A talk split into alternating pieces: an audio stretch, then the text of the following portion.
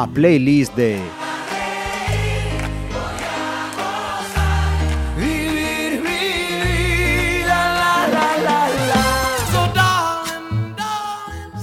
Saludos, llegamos a otra playlist eh, con una invitada esta vez que ya tuvimos el placer de compartir micrófonos con ella en un cara a cara.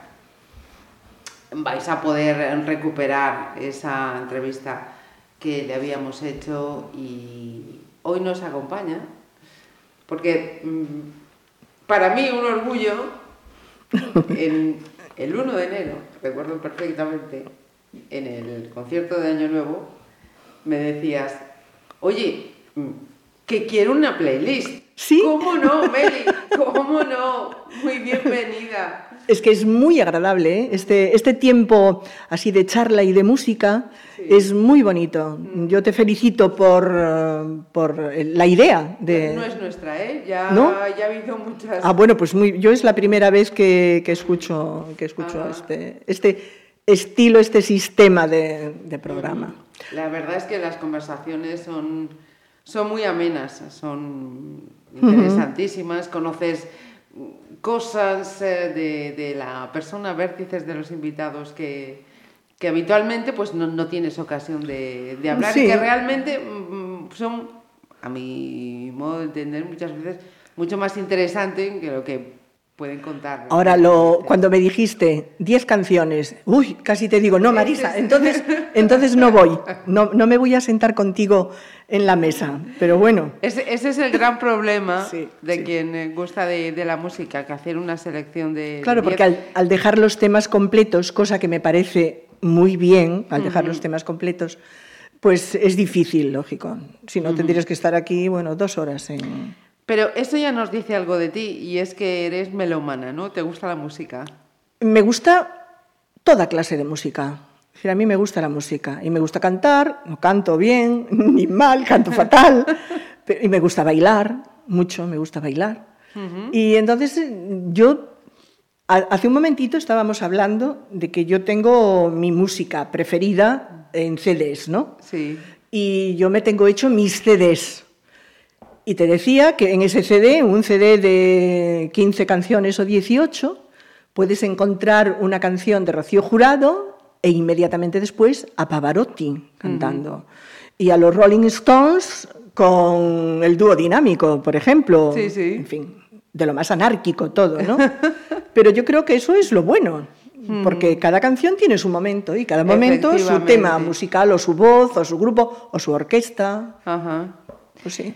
Eso eh, significa, ese gusto por la música, eh, significa que desde chiquitita ya había banda sonora en tu casa. Sí, porque en mi casa, yo recuerdo a mi madre y a mi padre cantando siempre también, sí, y a los vecinos y a donde ibas. Yo creo que eso le pasa a todo el mundo, ¿no? La, la música está siempre rodeándole. Y antes de. Porque yo mm, nací y no teníamos radio en casa, claro. Pero bueno, en la casa, en la tienda que teníamos en el, en el barrio donde nací yo, bueno, en Placeres concretamente, sí había un aparato de radio. Y allí, bueno, pues cuando ibas a la tienda, escuchabas las canciones y las novelas, y después ya, un poquito más adelante, ya teníamos radio en casa. Y entonces, claro, era una maravilla. Y yo que estuve toda mi vida trabajando con la música, con otras cosas, pero con la música también, ¿no? En la cadena SER eh, se iniciaron los 40 principales, Ajá, la mejor lista de música del mundo. Con lo cual... eh, Yo trabajé en 40 principales. Anda. Sí, sí, sí, sí, sí. Sí, hacíamos 40 principales desde Pontevedra, conectábamos con la central, dabas tu lista de éxitos eh, por votación de, de los oyentes. Sí, Ajá. sí, sí, los 40 principales. Pues llegaremos a ese momento de los 40, pero esa primera selección que nos has hecho, Meli, tiene, tiene que ver con esos recuerdos de infancia, ¿no? Sí, totalmente. Yo cuando me dices, eh, ¿cuál es la primera canción que recuerdas? Yo voy a dos cruces. Y claro, dos cruces en aquella época que yo era niña, que tendría tres, cuatro años, eh, no te sé decir por quién, ¿eh? quién cantaba Dos Cruces. La cantaba mi padre. Sí. Yo no sé si la versión que hacía él era de Jorge Sepúlveda o de cualquier otro. Ajá. Pero eh, la versión de Dos Cruces era de mi padre, que yo iba con él a muchos sitios, me llevaba, y yo lo que más recuerdo es sentada en la cabina del camión en, la- en el que trabajaba él, yo a su lado, mi padre cantando y yo también. Ajá, qué bueno. Y entonces cantábamos esta canción. Y yo de pequeña me la sabía entera, ahora no. Ahora no, ahora no tengo memorizada ninguna canción, ¿eh? ninguna. Yo te seleccioné dos cruces de José Feliciano, porque José Feliciano fue uno de, mm, una, una de esas voces que a mí me gustó siempre. ¿no? Aquellas voces que venían del otro lado del Atlántico, cantando en inglés y cantando en español. Español. Yo recuerdo de José Feliciano Enciendes mi pasión, que, mm, bueno, espectacular en las discotecas de los años 60. Era, era perfecta la canción. Entonces elegí la voz de José Feliciano porque hace una versión muy bonita de Dos Cruces. Es muy, muy bonita la versión. Pues si te parece, hacemos esa primera paradita. con Muy José bien. Feliciano. En recuerdo de mi padre.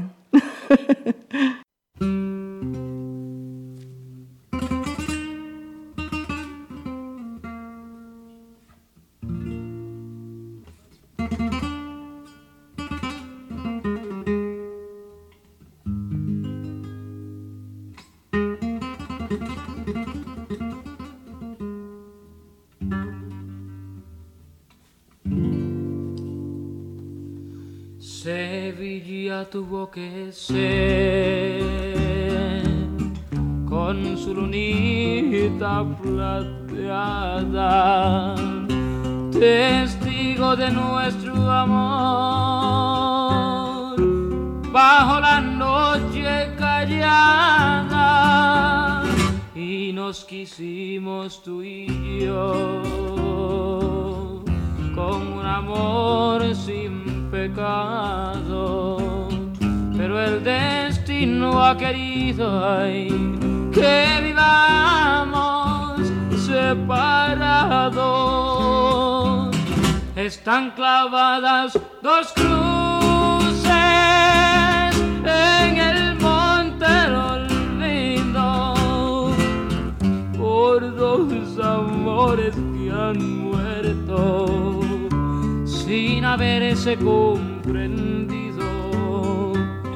Están clavadas dos cruces en el monte del olvido por dos amores que han muerto que son el tuyo y el mío, al barrio de Santa Cruz, el barrio de las Marías. Hoy yo voy a recordar. Y me parece mentira. Y todo aquello pasó, todo quedó en el olvido, nuestras promesas de amores en el aire se han perdido, están clavadas dos cruces en el monte del olvido por dos amores que han muerto sin haberse comprendido. Están clavadas dos cruces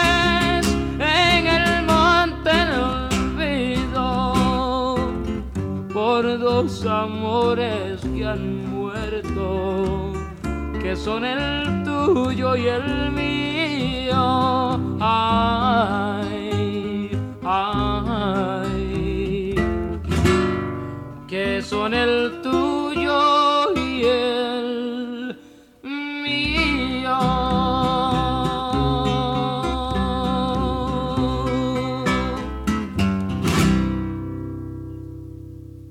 Decías, en recuerdo de, de mi padre, ¿cómo se llamaba aquel gran hombre? Seguro. Pues Andrés. Andrés. Andrés, se llama Andrés. Se- bueno, se llamaba Andrés. Ajá. que cantaban en casa. ¿Y tu madre, Meli? Y fíjate que yo a mi madre, mm, si me dices una canción, yo a mi madre, escuchando la radio, la relaciono más con las novelas que con la música. Sí. Sí, bueno, mi madre tiene ídolo, eh, me parece un poco fuerte porque no es ídolo, pero mi madre cuando cantaba en la radio Manolo Escobar o salía en la televisión, después ya cuando tenías televisión, había que callarse. Eran palabras mayores. Y para mí era muy fuerte porque después va, va a surgir esto, ¿no? Lo de Manolo Escobar surgirá. Pero es que a mí no me gustaba Manolo Escobar. Entonces, chitón, ¿eh? Todo el mundo callado. Pero allí callaba todo. Nada. Sí. Yo, a mi madre la recuerdo ya más adelante, eso, con las canciones de Manolo Escobar. Sí, sí. Pero así, de cuando yo era pequeña, pues no sé, no recuerdo a mi madre cantando así ninguna canción, que seguro que lo hacía, Ajá. pero no. Y- de mi padre recuerdo concretamente esa canción por lo que te comentaba antes. Sí, sí. Pero nada más. Y para cuando tu madre escuche esto, eh, ¿cómo se llama? Lola. Lola, que vas a tener tu huequito también en esta playlist, ¿eh? que lo sepas. Hablábamos eso de ese, ese primer recuerdo. ¿Y, Mm. ¿Y cómo fue esa, esa infancia en el barrio de, de Placeres? ¿Cómo- Bueno, en Placeres fue hasta los mm, cinco años, más o menos. Yo después ya me vine, yo siempre digo que nací en Placeres y me crié en Moyabao, en, Moyabao. donde sigo viviendo. Y en Moyabao, eso ya es otra, otra historia, ya llegan los juegos, ya llegan las cosas, vivíamos eh, en la carretera, frente teníamos el monte, detrás de la huerta la playa, y entonces ahí ya era aventuras totales, ahí ya era otra historia. Y ahí es donde ya, ya, no, ya me veo con los 11 años, 12 años, 10 años, y veranos, eh, todo esto, y yo me veo mm, con Marisol. Era epo- Joselito, Marisol, Sí. Rocío Durcal, Pili y Mili, que no me gustaban mucho. y eran muy monas las niñas y no lo hacían mal las películas y tal. Pero yo era de Marisol. Sí, porque aquí cada uno elegía lo suyo. ¿no? Tenías el suyo, Sí, sí. eh, yo siempre fui de Marisol. Y después de Pepa Flores, claro. Me, encantó esa transición que hace, que hace Marisol casi de, de jovencita a mujer. Es muy bonita. La historia musical de, de Pepa Flores es muy bonita. Y yo creo que, bueno, porque ella se lo montó como se lo montó y efectivamente quiso romper con todo y me parece muy bien, es su vida. Pero a mí me gustaba mucho eh, esa, esa época de Pepa Flores con aquellas canciones y bueno, y ella físicamente además que estaba muy guapa, era una mujer muy atractiva. Y siempre me, me gusta escuchar las canciones de Pepa Flores. Siempre recurrimos al Háblame del Mar Marinero, ¿no? que la hizo, hizo una versión tan...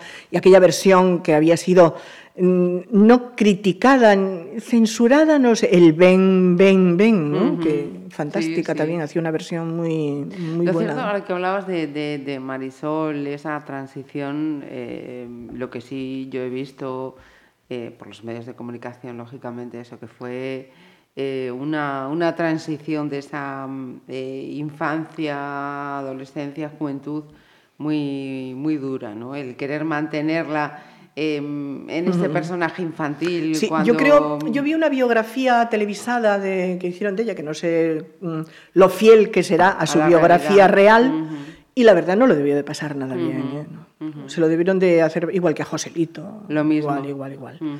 Eh, Muy duro. Ana Belén salía días pasados en televisión después de que le entregaron el, El Goya, Goya. el Goya especial, Honorífico. el Goya honorífico especial, hablando precisamente de eso. Y, y dice que ella tuvo una gran suerte de no haber sido otra niña cantante-actriz, aunque acabó cantando y, ah, bueno, acabó, no, es, canta Sí. y ah, es actriz y tal. Porque, mm, digamos, casi como que no gustó, que no tuvo éxito aquella película de Zampo y yo. Zampo y yo, sí, la sí. famosa película aquella del circo del payaso y tal, que era Fernando Rey. No, no, no, no tuvo éxito. Y entonces dice que eso fue lo que la salvó a ella. Si no, claro, hubiera sido otra niña cantante. Y, y Marisol tuvo mala suerte, tuvo muy mala suerte. Los niños de aquella época que querían que ¡bum! y explotarlos ahí hasta, hasta el máximo, pues mal. Sí, pero la- el tiempo tiene sus condiciones y mantener en la infancia cuando tú biológicamente vas evolucionando. Claro. Eso es, eso es tremendo. Pues eh, tenemos ahí precisamente otra Pues de sí, las... es que, es que yo me veo, yo me veo al lado de Marisol cantando el Corre, corre, caballito. Es que es la primera película de ella, Un rayo de luz. Ajá. Eh, todas queríamos ser rubias con ojos azules. y, y entonces, eh, pues, el Corre, corre, caballito es la canción, fíjate tú que aún siendo adulta, yo muchas veces, no sé, así cuando y ves la película y sigo la canción. porque Hace muy poquito que pusieron, me parece que esta película en un canal de televisión. Y, y me hace gracia Sí. ver a Marisol allí con su carretita y los niños todos y cantando el corre, corre caballito en aquella finca llena de pinos. Y es muy graciosa, es muy graciosa la, la película y la, y la canción. Canción de niña. Sí, sí, sin Canción, duda. sí, sí. Pues venga.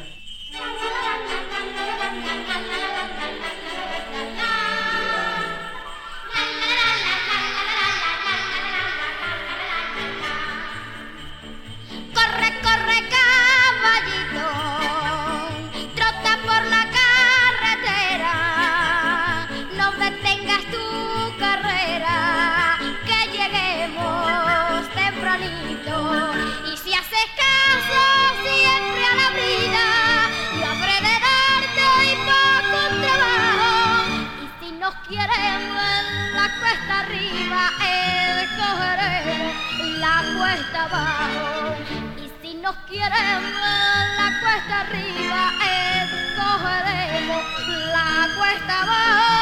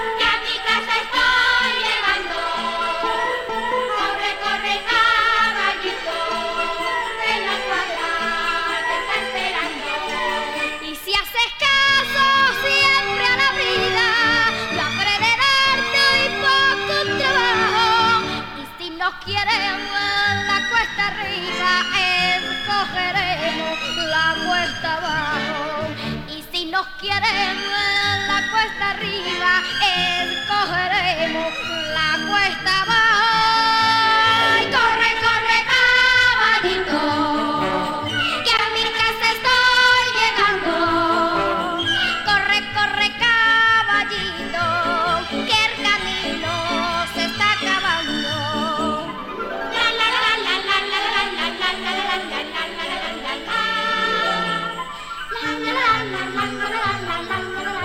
Nos hablabas, eh, Meli, eso, de esa infancia jugando en el monte, la, la playa. La playa.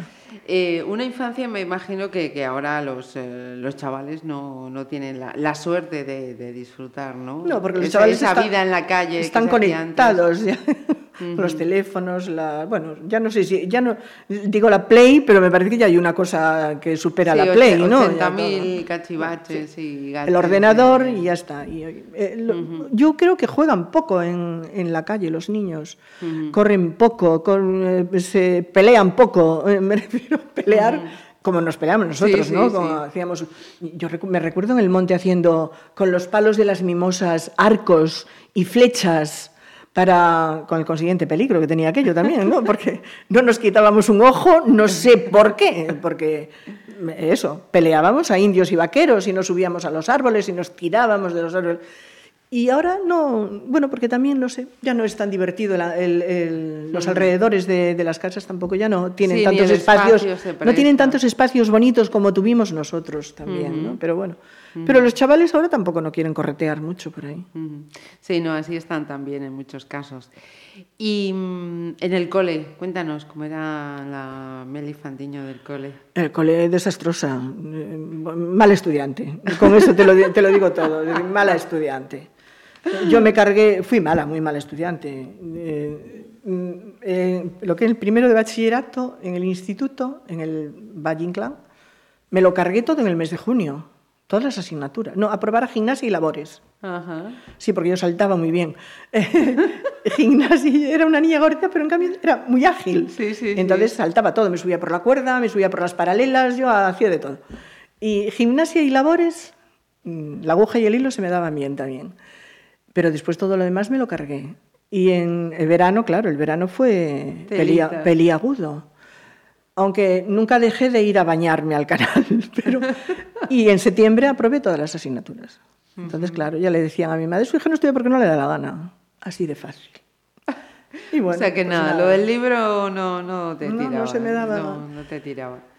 ¿Y de el instituto lo terminaste? Sí, pero bueno, lo corriente y moliente, lo, lo- lo mínimo, lo mínimo. lo Vale. mínimo. Porque yo empecé a trabajar muy joven, además. Por ahí, por ahí va. Claro, Enseguida te claro, claro. introduces. Pero si quieres, antes te hablo de, del dúo dinámico. Tú Porque, mandas, vamos tú a ver, mandas. Marisol y el dúo dinámico iban a la par. Claro, Marisol del Corre Corre Caballero, pero Marisol iba creciendo. De hecho, trabajaron juntos delante de En las cámaras, cine, en el cine. sí, eso recuerdo. Sí, que bueno, Marisol siempre acababa con Ramón, que era el que nos gustaba a todas, claro. Ramón Arcusa, al que yo vi trabajar con Manolo muy cerquita de mi casa. Mm, Donde yo vivo ahora, en, esa, en la carretera, mm, había un chalet, eh, chalet, antes de decir chalet eran palabras mayores. Sí. Había dos o tres casas en esa zona de, de monte, de monte, cuando abrieron la carretera por el monte, que mm, se rodó ahí, cuando vinieron a rodar una segunda, yo no sé si es la segunda o la tercera versión que hay de Botón de Ancla, Ajá. que se rodara en la Escuela Naval, Sí, en Marín, y se rodó en ese chalet que había en, Puede cerquita ser de mi casa. eh, de, de fachada como rosada. No, no, no, no, no, no, ¿no? no, no, no es. Es una casa muy bonita eh, que tiene, eran, llamaba mucho la atención las cristaleras que eran de cristales cuadraditos, pequeños, muy bonito. Te podría decir de quién es, pero no me Sí, no, apetece, no, me, no, me apetece decírtelo. Eh, entonces eh, ahí se, rodó, se rodaron algunas escenas. De, de la película de versión botón de ancla que vino aquí a, a rodar el dúo dinámico. Ajá. Y, Y y la yo, yo estuve viendo aquellas. Yo me veo encima de un muro, frente a ese chalet, del otro lado de la carretera. Bueno, me veo yo y veo a todo el barrio. Sí, sí. Y como rodaban la, como rodaban la película y el dúo dinámico para allí, claro, porque allí era la casa de una de las chicas o algo, ¿no? Que ellos iban Ajá. a merendar. Sí, recuerdo, recuerdo entonces la escena. Sí, sí, sí. iban a sí, merendar sí. allí. Bueno, pues la casa está ahora muy cerquita de la mía. Ay, qué grande. O Sí, sea, y, sí, y sí. tuviste ocasión de. No, hablar con ellos y esas cosas, no- no. bueno, pues lo clásico. Ramón, estoy aquí. Ramón, estoy aquí, mira para mí. Pero nada. Y entonces, de esa época, pues es que, bueno, del dúo dinámico es todo, Todo. ¿no? Porque el dúo dinámico hace muy poquito que estaba actuando por ahí en directo. Yo los vi varias veces en directo, aquí en Pontevedra, en una sala de fiestas que hay en la carretera de Vigo. eh, y, y Manolo y Ramón, bueno, pues nos acompañaron, a mí me acompañaron a lo largo de toda mi vida, ¿no? Pero bueno, de aquella época yo me quedo con 15 años, tiene mi amor. Ujú. Que políticamente no sé si sería correcta la canción hoy, ¿eh? Mm, Porque eh, sí, estamos ahí. 15 pero- años sí. tiene mi amor, menor de edad. Vamos a mirarlo inocentemente. 15 años tiene mi amor, dulces piernas. Es una chiquilla tan divina y colosal. Tiene una mirada que no se puede aguantar. Una lolita. Una, lolita. Fíjate, y pasó, lolita. pasó la censura totalmente. Una lolita, bueno. no, en ningún momento Claro. se... Bueno, es que Nabokov. era-. Sí, señor. Ya, Sí. ya va apuntando otra de sus aficiones, ya si os dais cuenta.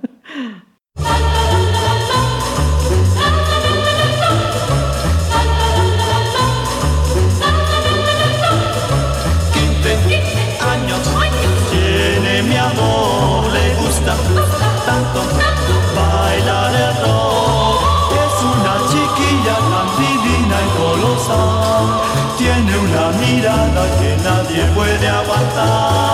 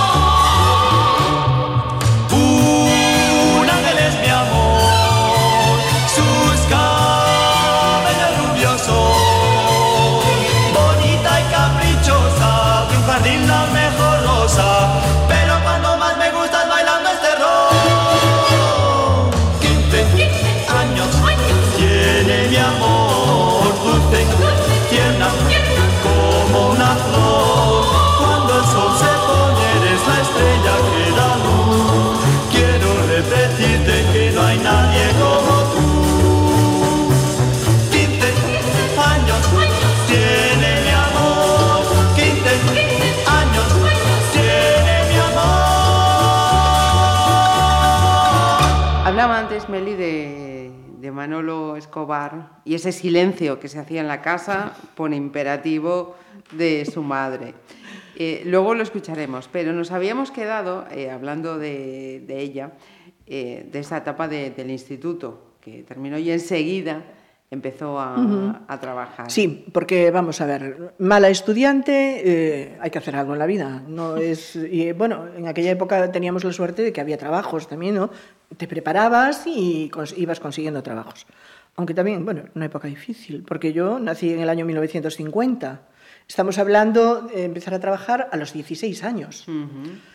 Y mm, bueno, tuve la gran suerte de que mm, mi padrino de bautismo eh, era el dueño de la emisora de Radio Pontevedra. Entonces, eh, mi madre, con buen criterio, dijo, bueno, pues eh, vamos a buscar ayuda.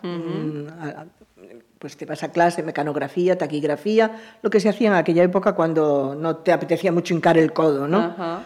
Y vale, perfecto. Y yo me empecé a preparar para entrar mm, en la parte administrativa de la empresa. Pero al llegar allí y mi padrino es- escucharme la voz, yo tenía eso, 16 años, le gustó la voz. Y me hizo una prueba de, de sonido, en- estaba allí en su despacho, un magneto, parece que lo estoy viendo, a él detrás de su mesa, eh, aunque era mi padrino, me imponía mucho aquel señor. ¿no? Y entonces, eh, bueno, con un magnetofón muy grande y un micrófono, me dio una revista de barcos, eh, que él era muy aficionado, tenía un yate y tal, era muy marino. Y entonces me, una página me señaló, léete este artículo. Me lo leí, equivocándome en, todas las, en todos los renglones. Y la voz le gustó. El sonido de la voz al quedar grabado le agradó. Dijo, bueno, no te vas a quedar en la parte administrativa, te vas a ir a la emisora. Y, en- y ahí empezó todo, una aventura. 16 años que te meten en una radio y que de repente empiezas a ver María Elena Alonso, Fuentes Mora, José Luis Adrián Poza, eh, Ricardo Barajas, eh, todas aquellas voces que tú escuchabas en casa en tu aparato de radio De repente, de repente tú les ponías cara y fue fantástico porque además mm, me recibieron con los brazos abiertos, todos. De todos aprendí mm, y fue muy, muy bueno, muy bueno, muy bueno. Pero yo entré a los 16 años, mm, camino de los 17, y yo no empecé a hablar en el micrófono, en abierto, digamos, Sí. en directo, hasta los 18 Ajá. a los 18 años. Como digo yo, mi primera nómina es del año 68. Casi nada. es del año 68. Y entonces fue muy bonito todo, una, una aventura, aquello era... Y, y en esos dos, dos años, hasta que de repente... Yo iba allí como si fuera al cole, lo que es que aquel cole me gustaba, claro. Tenía unos profesores fantásticos, divertidos, eh, me enseñaban a leer, eh, estabas al tanto de las noticias, la música, que era aquello era la discoteca aquella era bueno una fiesta porque podías manejar música de, de todos los países allí, ¿no? Y entonces muy fue divertido y muy bonito, fue todo estupendo. Ajá. Eh, vamos con Manolo. Vamos con Manolo, porque fíjate tú la que me toca a mí. Si- A mí que no me gusta Manolo Escobar, yo la primera canción que anuncio en la radio es de Manolo Escobar.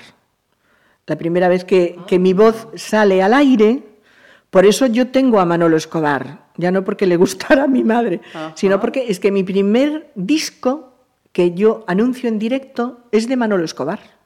No te puedo decir la canción, fíjate, pero sí, el de él me quedé grabada. Y mm, entonces seleccioné una canción de aquella época, Pregón de Amores, que formaba parte de otra película, en la que Manolo Escobar trabajaba con Conchita Velasco, ahí. Y que ya te digo, no sé si Pregón de Amores es la canción que anuncié yo, en un programa que se titulaba ¿Qué quiere usted oír? Que los oyentes pedían eh, canciones y nos- eh, a través de postales, que nos mandaban postales muy bonitas o cartas. Era la una de la tarde y, y entonces nosotros les complacíamos. Dábamos el nombre de la persona que solicitaba la canción y a mí me tocó pues Manolo Escobar y no sé si Pregón de Amores, pero Pregón de Amores era un exitazo en, aquella, en aquel momento. Sea, eran como las canciones dedicadas, ¿no? Sí, más o menos, como los discos dedicados, pero no- los discos dedicados nosotros los teníamos a otra hora, que era por la tarde, eran, había asociados a la emisora, tú eras socio colaborador, que se llamaba, y entonces tenías tus canciones al mes, y si no, bueno, cuando llegaba, era, vamos a ver si me acuerdo, el Día del Carmen, el día, el primero de año, que es San Manuel, ¿no? El primero de año es San, es San Manuel. No, será el 20... No, bueno, El día 2. Me, Me- me- bueno, me pillas, me, pillas. bueno, era San, San José. San José y, bueno, San José, y las primeras comuniones, no digamos ya. Ajá. Que había una canción, ay, ¿de quién era aquella canción que era su primera comunión? ¿No era de, era de Juanito Valderrama o de Luis Lucena? De uno de los dos, y ahora no me acuerdo, fíjate. Mira que tengo puesto yo ese disco. su primera comunión. Y eso era un exitazo. Estabas para un momento musical de tres minutos, porque antes las canciones duraban muy poquito. Eh, La que duraba tres minutos ya era mucho. Bueno, pues a lo mejor estabas con dedicatori- leyendo dedicatorias eh, media hora, tres cuartos de hora. Era Jesús. espantoso. Que yo, yo siempre dije, yo pondría hoy en día, no- a lo mejor no tenía éxito, pero yo creo que en radio sí, un programa de discos dedicados. Ujú. Por lo menos a personas de cierta edad sí que les gustaría dedicar las canciones. Ujú. De hecho, de alguna manera todavía hay programas hoy en Radio Fórmula que sigues llamando y sigues- Claro, y sí, o sí. que te gustan a ti, o que se las quieres dedicar a tu novia, o a tu Sí, novio, sí. o a tu pareja, o a quien sea, o al gato. o al gato. Mira, y mm, hablabas eso de esa primera canción que te tocó. em, ¿Cómo estaba? Yo quiero saber cómo, era, qué había por dentro de, de, de Meli en ese momento. Nervios dice- totales, nervios totales, porque es más, yo si no recuerdo mal, si no recuerdo mal, es que tengo mala memoria, si no recuerdo mal, eh, anuncié tal, tal, tal, y dejé el micrófono abierto. y aparte de salir la música, salió algo más, no sé lo que, pero si, si fuera, fuera ese detalle, yo me olvidé de cerrar la clavija del micro y no sé, pues dije algo, ya acabé, yo algo, algo, algo diría, algo diría, sí, algo diría. Pero bueno, y después ya nada, ya, sí, yo. Yo de los micros abiertos y cerrados, no sé cómo no tienen pasado más catástrofes. ¿eh? Sí. Sí. Yo creo que hay, el- no sé, el, el ángel de la guarda de la radio nos protegía. Porque era imposible a veces, con lo que se decía a micrófono cerrado, que nunca en directo Se te nada. hubiera salido ninguna barbaridad. Porque algo, tonterías sí tienen salido. ¿eh? Un grito a lo mejor o cosas de estas. O Sí. alguna frase incorrecta. Pero, pero cosas... eh, bueno, es que es increíble que no, que no haya... No, nunca nos causó un disgusto eso.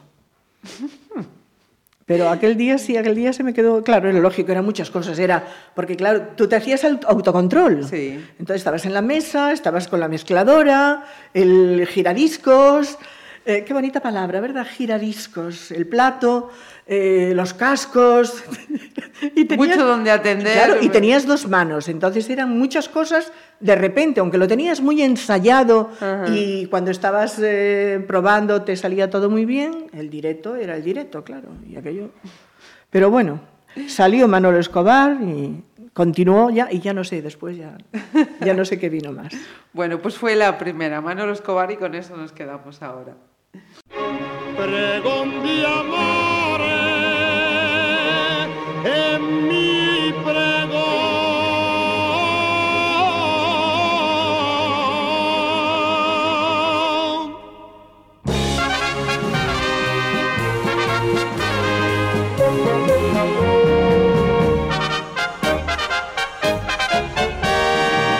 Soy el pregonero que pregona amores, soy el pregonero de los corazones. Llevo toda clase de buenos amores, por una sonrisa los doy en canciones.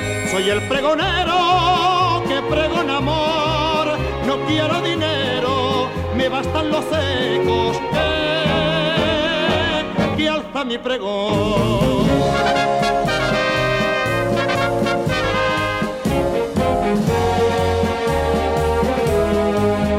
Pregón de amores que lanzo al viento como un revuelo de sentimiento. Pregón de amores que va buscando nuevos amores para ir cantando.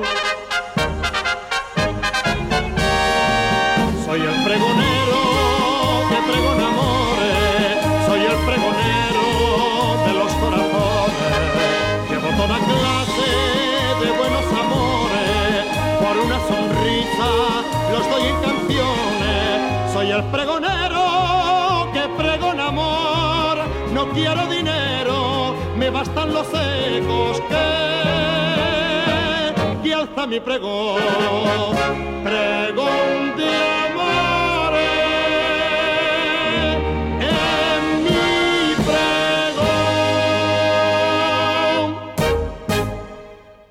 Pues eh, queda ahí Manolo Escobar en esta playlist de Meli Fandiño y me imagino que seguimos hablando de, de radio, ¿no? Mm, Porque yo no claro, sé si es te que queda- es imposible desligar, queda- desligarme yo de la música y de la radio, porque yo escuchaba música, era mi trabajo, escuchar música, ¿no?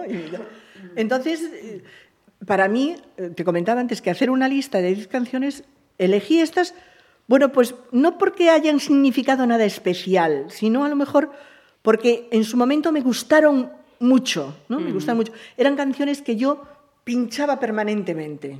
Eh, tenías que hacer una pausa musical, ponías un... Claro, eso lo hacíamos todos. Eh, aunque teníamos un,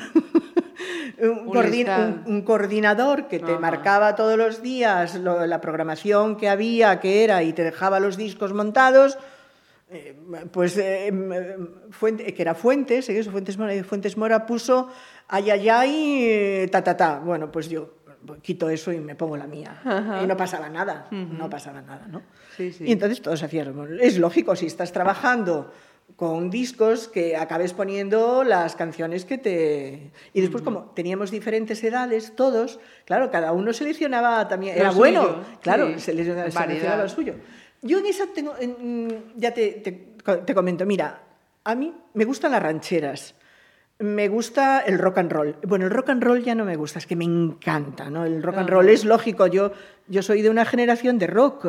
Yo nací en los, en los 50, pero 60, 70, 80, eso era la Era. fuerza. En la discoteca, las fiestas. Ibas a la fiesta, bailabas un paso doble. Pero ibas a la discoteca y bailabas un rock and roll. Ajá. Y bueno, y entonces, claro, mis gustos. eh, hay una amalgama de, de- de cuestiones música. musicales que no quiero ni contarte, vamos. Vamos a seguir hablando de, de radio inexcusablemente, pero mm, esa chica de 16, 18 años, No, ya decías 18, tú, 19, 20. Salía, le gustaba bailar, Sí. me- era muy disco, festeira, era muy festeira. Sí, era- sí, sí, sí, muy festeira. A las 10 en casa. Pero hasta las 10 menos un minuto lo aprovechabas hasta el último momento. Alegría, alegría. Sí, sí, sí. Y, ahí, bueno, surgía de todo, claro. Pero mm, yo más que comentarte, dice, bueno, pues que yo iba a bailar a la verbena y me gustaba esta canción. O no, siempre lo acabo, acabo relacionando las canciones con lo que yo ponía En en la- la, radio. Ajá, ¿eh? ujú. Bueno, después vienen otras cosas, pero ya relacionadas efectivamente con el divertimento fuera del trabajo, Ajá. como son los conciertos en directo. Que eso, mm, aunque yo a algunos conciertos que iba, iba a trabajar también, algunos tengo ido a divertirme nada más. No, Me olvidaba de, de la grabadora. Pero Y- cuéntanos eso, que quiero saber cómo era la, la Meli fuera, fuera de- de- del trabajo. Alegre, alegre, eh, con ganas de juerga, con los amigos. eh, ¿Qué te voy a, a decir? Bueno, pues igual que tú, más o menos, aunque no tienes nada que ver eh, con mi edad y con edad, pero lo mismo que harías tú cuando tenías 20 años. Bueno, y, como, y todos los oyentes que nos estén escuchando en estos momentos. La Pontevedra de, de- de aquel momento se La se Pontevedra, de, la, de- la Pontevedra de aquel momento tenía una discoteca, el Universo, que era de un hotel, que mm, yo, esto, yo creo que es que ya lo tengo, son cosas tan, que me marcaron tanto que lo tengo contado muchas veces, ¿no? Eh, mi padre era taxista. Eh, mi padre se retiró de taxista. Ajá. Y la parada de taxi, antes eran fijas, y la parada de taxi de mi padre estaba en el Universo, en la calle Benito Corval, donde está ahora una firma importantísima de ropa. Sí. Bueno, pues ahí tenía la parada mi padre. Y yo, con mis pocos años, eh, cuando quería entrar a la discoteca, que iban todas mis amigas, yo tenía que ver si mi padre estaba en la parada, porque yo tenía que pasar por delante de mi padre para entrar en el hotel. Y si mi padre me veía entrar en el hotel, Ajá. ¿a dónde vas tú? Claro, en la una discoteca sin luces o con el, ¿cómo se llamaba? El, Con la aquella bola, bola, la bola aquella sí. que van a hacer unas chicas a un sitio en donde no se ve. no se imagina que fuéramos a bailar, bueno, también a ligar, pero... eh, entonces, yo, venga, mira si está mi padre. Eh, Las amigas, no está, venga, Beli, pasa. Entonces todas me dicen, yo Y adentro. Y adentro. Y eran así las cosas, eh, discotecas, fiestas, muchas, íbamos a todas las fiestas. Yo creo que en aquella época nos conocíamos, tenían, aquí ya tenemos que tener más de 20 años, sí. Eh, el Lime, ¿me enciendes mi pasión de José Feliciano? A mí me recuerda una discoteca de Vigo, Anda. pero de Vigo, de la playa. Yo creo que estaba por Playa América o algo así. Y en aquella discoteca a la que nosotros íbamos también, eh, porque yo tardé mucho en tener coche y en tener carnet de conducir, pero mis amigas todas tenían coche. Y entonces, bueno, pues eh, po- poníamos, apoquinábamos para la gasolina Ajá, y allá nos ¿Dónde, hay. ¿Dónde hay fiesta? Acá. Pues allá. Allí ya no me pedían a mí a las 10 en casa, ¿no? Ya, ya tienes... Mm. Había más Sí, margen. hay más. Pero bueno, te lo mezclo todo porque más o menos fue todo así. Primero en Pontevedra, con aquellos inconvenientes, después ya vas creciendo más y ya te desplazas. Y en verano íbamos a todas las fiestas. Ajá. Y principalmente fiestas de comer. Que aquí en Galicia no hay. No es hay que, escasa- eh, claro, son es que no te, no te podías escapar y entonces íbamos, íbamos mucho a Vigo a ver actuaciones. Ajá. En, en la discoteca que estaba debajo de los eh, del cine Fraga, eh, la vamos a, vamos a decir el nombre, Sí, porque sí, es sí. el Nova- era el Nova Olimpia, allí venía gente de toda Galicia. Porque allí vi yo a Iva Zanicki, a Roberto Carlos, a Demis Rusos, por ejemplo, a Joan Manuel Serrat, a Víctor Manuel. Mm, Venía de lo mejorcito, de Sí, lo sí. mejorcito en actuaciones musicales. Y nosotros íbamos a. No nos perdíamos una. ¿Dónde hay? Aquí en tal. Pues venga, allá vamos. y, y la verdad, yo tengo visto actuaciones en directo que es que hoy en día Sería difícil llegar a ese nivel. complicado, complicado, complicado. Aquí- y porque aquí en Pontevedra, claro, no había un sitio. Aquí en Pontevedra yo recuerdo bueno, el teatro en verano, sí, el teatro es que era una... Joana Belén, eh, la vi en teatro aquí en Pontevedra varias veces. Eh, bueno, de lo mejor, lo, lo- lo que estrenaban en Madrid en verano en dos meses, julio y agosto, te lo Venía. tragabas todo. Que tenías que ahorrar dinero para pagar las entradas, porque si no, no... No daba. No daba, no daba, es que no, porque venía todo en el mismo, en el mismo bloque. Y las actuaciones, act- conciertos en directo en Pontevedra, en aquella época, claro, que tú pudieras ver en una discoteca, por ejemplo, imagínate, eh, a Roberto Carlos en, en su esplendor, Sí. era difícil, era complicado. Aquí en Pontevedra no había sitio para... Para organizar no había, conciertos así. Pero aquella discoteca era fantástica, fabulosa. Era muy grande, además el local era grandísimo. Y, y fue, yo allí vi cosas muy, muy, muy, muy, muy bonitas. Mira, eh, antes de, de pasar a la siguiente selección musical, yo te quería preguntar por cómo, cómo era esto de ser tan, tan jovencita y de aquella eh, Radio Pontevedra era una, Única. no había más, claro. Única. Y, y ser tan jovencita y, y que tu voz, tu nombre eh, estuviese ahí ya como... como A mí no me conocía nadie fuera de la emisora. ¿No? No. Es curiosísimo. Yo siempre pensé en eso. Eh, a mí en la calle no me conocía nadie. Yo hablaba y no sabían que era Melifandiño. Bueno, tampoco, vamos a ver, no era el trabajo que yo realicé durante los últimos años. En aquellos momentos, así de 30, 30 y pocos años, en, el trabajo que hacíamos era interior. Eran conocidos los hombres. ¿Por qué? Porque los hombres iban al ayuntamiento, los hombres iban a la diputación, los hombres iban al gobierno civil, eh, los hombres iban al fútbol, al balonmano. Entonces, es decir, ellos sí a- le conocían el físico a, a Fuentes Mora, a José Luis Adrio, mm, todos. Pero mm, a, a nosotros no. Mm, Bueno, a María Elena sí, María Elena no porque ya llevaba mucho tiempo aquí en, en Pontevedra. Ella, bueno, no tanto, pues tampoco me lleva a mí tantos años. Pero ella sí era más conocida, porque también quizá hacía más vida social. Ajá. Pero digamos, yo hacía una vida normal y corriente, ¿entiendes? Eh, eso, fiestas, Sí. gua- gua- guateques de discoteca, merendolas y playa y juerga como cualquier otra persona. Sí, sí, Mis amigas también, porque yo empecé a trabajar, fui la primera del grupo que empezó a trabajar. Las demás pues siguieron sus carreras y estudiaban y tal. Y, pero a mí no, a mí no me conocían. A mí tardaron mucho en saber que yo trabajaba en la radio, ¿eh? Que Meli. Fandiño era yo, vamos, que era, Ajá. que era yo, sí. A mí me hace mucha gracia ahora cuando digo hola, buenas tardes y enseguida dice, ah, usted trabaja en la radio. Hombre. Y, claro, y me- porque a mí, no, a mí tardaron mucho en conocerme la voz, muchísimo, mucho. No sé si es que yo a lo mejor, al estar delante del micrófono, hablabas de una manera y después al estar en la calle te hacías... No sé, es que nunca entendí, de verdad que nunca entendí, porque a María Elena sí, a María Elena clavaba a la gente enseguida, ¿eh? A María Elena sí.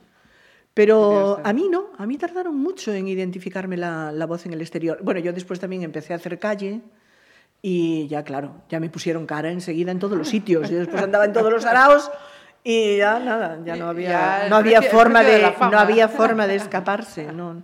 Pero bueno, no me causó nunca problemas, ¿eh? Ajá. No, yo no, nunca tuve yo así mayores inconvenientes ni nada, no. Eso, eso también dice mucho, Meli. Sí, no. La gente, desde luego, conmigo siempre fue. Y lo noto ahora, fíjate, y me agrada mucho.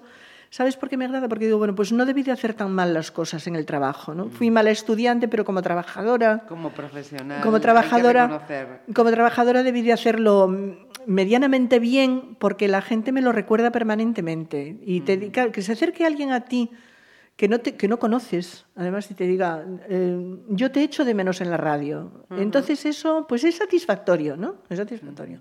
Y gente mayor que dice, jolín, yo cuando era un niño escuchaba, te escuchaba a ti en la radio de, la- de mi abuela.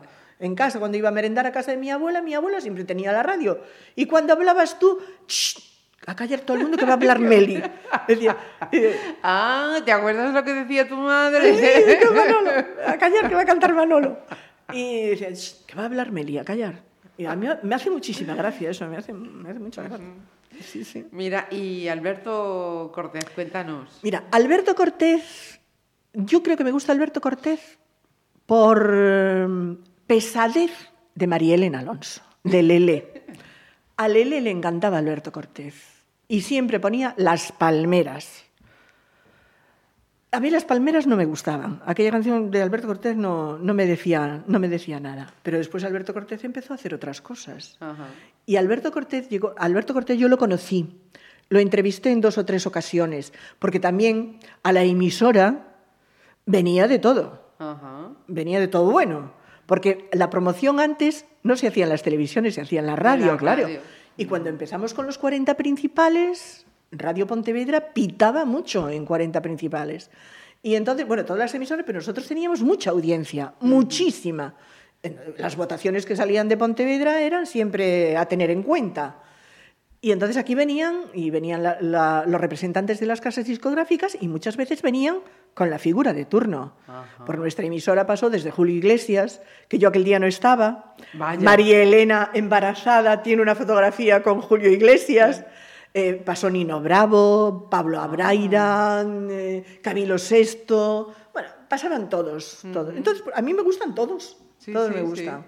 Y además, claro, yo teníamos una discoteca particular genial, porque aparte de traer los discos para la emisora, traían discos para los que presentábamos la- los Ajá. 40 principales. Sí, sí. Y entonces tenías disco- discos firmados y era estupendo. Por Ajá. eso, claro, yo es imposible separar mi trabajo de, De de la música. música. Y Alberto Cortés mm, tenía muchas canciones que me gustaban. A, a mí- a mí me gustaba él físicamente. Alberto Cortés era muy guapo, tenía una presencia física, Sí, era un, sí, un era- brazo, era un brazo. Me gustaba mucho su forma de hablar, tenía unas manos, sabía estar en el escenario, yo lo vi en directo varias veces. Y, y elegí la canción No soy de aquí ni soy de allá porque creo que hace una de las versiones más bonitas que tiene esta canción. Él le cambió un poco la letra de la composición de Facundo Cabral. Facundo Cabral compuso esta canción para Jorge Cafrune.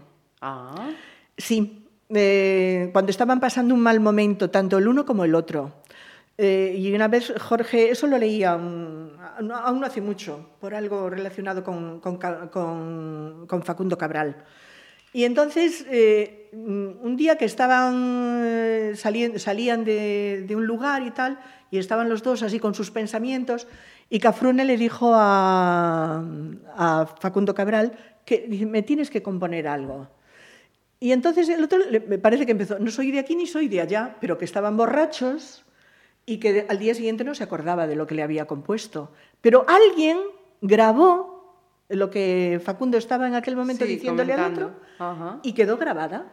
Y después, efectivamente, en realidad la hizo exitosa Alberto Cortés, pero Alberto Cortés le cambió algunas cosas en la letra. Tiene una, tiene una versión también Chabela Vargas de esta canción que es preciosa. Ahí tienes a Chabela Vargas. A mí me gustan las voces de mujer fuerte. Fuertes. Me gusta Lucha Villa, Lola Beltrán, esas mujeres que cantan esas canciones mexicanas que son Que, que salen, salen de, de ahí adentro. terribles, Sí, ¿no? Que, una- no- que- que es imposible no, no sentir algo cuando Cierto. escuchas una voz de esas. Las voces mexicanas me gustan mucho. José Alfredo Jiménez, eh, eh, sí.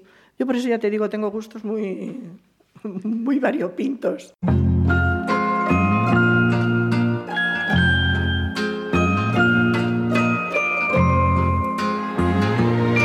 Andar, pero no sigo el camino, pues lo seguro ya no tiene misterio. Me gusta ir con el verano muy lejos, pero volver donde mi madre en invierno y ver los perros que jamás me olvidaron y los abrazos que me dan mis hermanos. Me gusta el sol y la mujer cuando llora, las golondrinas y también las señoras, saltar balcones y abrir las ventanas. Y las muchachas en abril. Me gusta el vino tanto como las flores y los amantes, pero no los señores. Me encanta ser amigo de los ladrones y las canciones en francés. No soy de aquí, ni soy de allá, no tengo edad ni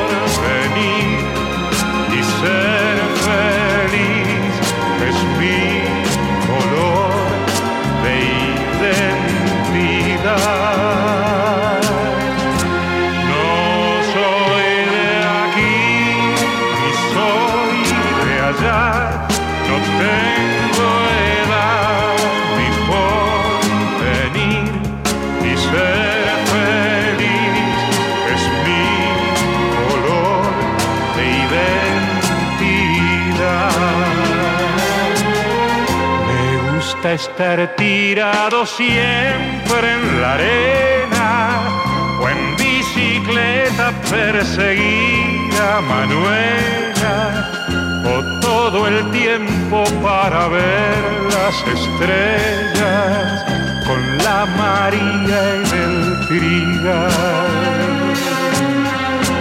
No soy de aquí ni soy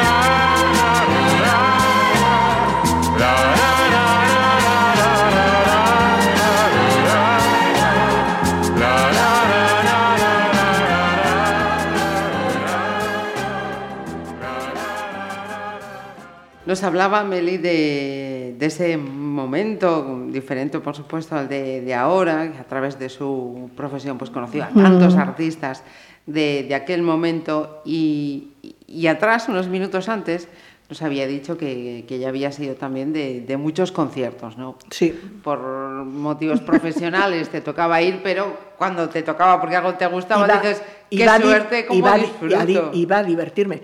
Yo vi a Michael Jackson en el, en el estadio del Atlético de Madrid, cuando vino a Madrid, que estaba en su apogeo. A mí Michael Jackson, mm, yo no pondría un disco de Michael Jackson en mi casa, pondría un vídeo de Michael Jackson. Si algún día haces un programa de vídeos, Ajá, yo, yo te hago mi lista de vídeos. perfecto. Mm, Me encanta, porque me encanta la imagen, claro. Yo, Ajá. a mí me gusta el cine, yo soy de imagen. Y es que hay unos vídeos por ahí que son espectaculares, espectacular. Y a mí lo que me gusta de Michael Jackson es verlo, verlo en el escenario. Sí. Ver cómo se mueve, cómo, cómo baila, la, la coreografía que tienen, que tienen sus, sus canciones. Y, y el concierto que él había sido espectacular, espectacular. Él llegó en una máquina, no sé si recuerdas, es que no sé cómo, es una, una- una máquina de cohetes que tiene, es como un asiento que manejas Sí, con las manos, sí, una- sí. eh, que había salido en una película de James Bond. Ajá. Yo creo que fue aquello. Yo recuerdo de repente que empiezan como todo, humo, humo, humo, humo, y aparece aquella máquina y Michael Jackson en el Sentado escenario. allí. Todo el mundo, aquello fue una, una juerga, aquello fue una juerga fantástica. Ajá. Sí. Y si te pregunto por mm, dos o tres conciertos a los que dirías, no, no renuncio y para mí son- Jamás, jamás, jamás. Mira, yo siempre digo, todo el mundo se ríe. Yo era una persona que no bebía alcohol, aunque una vez tuve una experiencia muy mala con un whisky, que me- en una discoteca me dieron un whisky, cuando me quise levantar no podía levantarme. Y yo creo que desde aquel día mm, El- me no, no, no me, no me gustó aquella, aquella sensación. ¿no? Y una, nada, beber un whisky normal y corriente, no solo que tenía aquella bebida, no, no me podía levantar del asiento. Ajá. Entonces, yo, yo no me emborraché nunca, ni me emporré nunca, aunque estuve con gente que fumaba y que bebía, normal, pero, Sí. pero no. Oye, yo es que no necesito mm, estimulantes para Sí. subirme a una mesa y bailar un cha-cha-cha.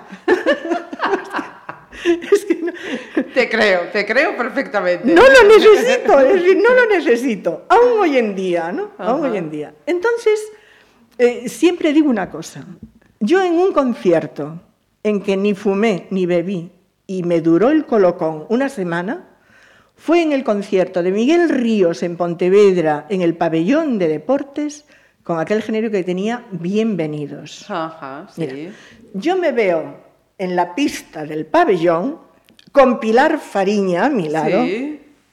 bailando, saltando, cantando, riéndonos. Porque a mí no me gustan las aglomeraciones, no me gusta sentirme apretada, ¿no? Me gusta sentir aire a mi Ya, ya. alrededor, a mi alrededor, y quiero bailar y quiero moverme. El colocón de aquel concierto fuera espectacular. Bueno, claro, aquello era una nube. Sí, sí. El pabellón, el pabellón era una nube. Pero yo digo, yo no fumé ni bebí, pero colocada salí de allí. Salí colocada y bien colocada, además. Eh, genial. Pero todo tan divertido, Sí. tan alegre, tan de fiesta, tan de fiesta. Y después otro que me sucedió lo mismo, porque además pasaban la botella, pasaban el Sí. porro, y yo, venga, Yo- yo sigo pasando.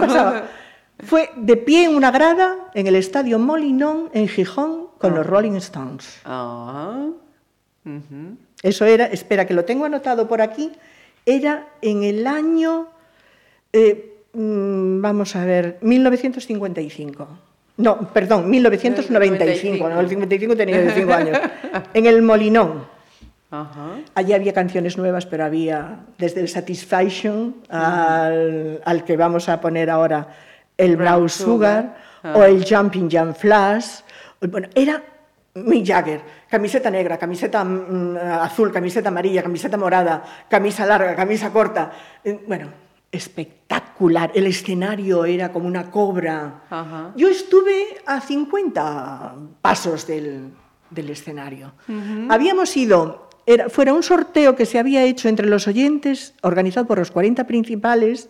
Yo tenía ya En el 95 tenía 45 años, ya no era una niña. Yo era la mayor que iba en la excursión de aquí de Pontevedra, con los que resultaron premiados y con gente de la emisora, los jóvenes de 40, yo ya no hacía 40 en aquella época. Y entonces, eh, yo fui, se decidió de un día, de un momento para otro, me dijeron, Meli, hay una plaza, ¿quieres venirte al concierto de los Rolling? No lo Sí. pensé dos veces.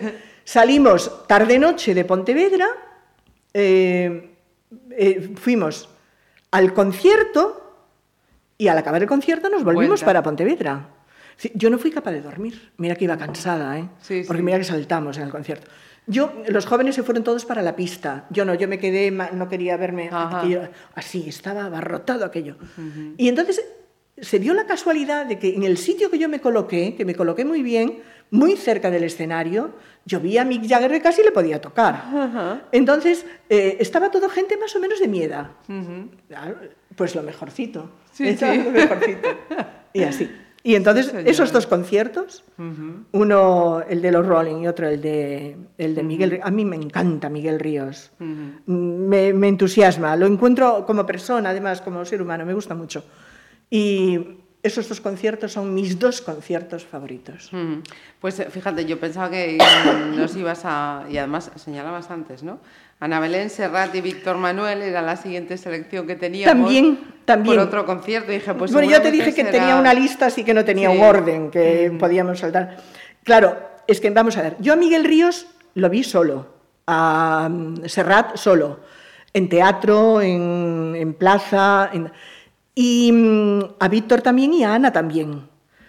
Pero mm, los conciertos que hicieron juntos lo elegí porque claro, no podía tengo de cada uno te podía elegir una canción estupenda. Pero como no puedo, porque no tenemos tiempo ni espacio, entonces quise aglutinarlos. Y entonces, esta versión que hacen del himno a la alegría, que fue tan potente en su momento, con aquella versión atrevida de Waldo de los Ríos, y que después cantó Miguel, Miguel la- Ríos, Miguel sí. joven, todo. Bueno, pues es fantástica. Aquí tienes a Miguel Ríos, a Ana Belén, a Serrat Manuel. y a Víctor Manuel. Ajá. Los cuatro cantando el himno a la alegría. Ajá. Pues si te parece hacemos una cosa, Eh, ponemos eh, este tema del himno a la alegría y a los Rolling de Brown Sugar para ese momento conciertos. Perfecto, me gusta mucho porque además, bueno, el concierto de los es que el, el Browns cuando está todo el mundo, yo me recuerdo bailando, saltando, respirando, Aquel ambiente. respirando el ambiente. Y después la vuelta para Pontevedra con, con, Ese con, el, subidón. con el corazón a tope, con el corazón a tope, ¿no? Te retumbaba todo, todo dentro, todo dentro.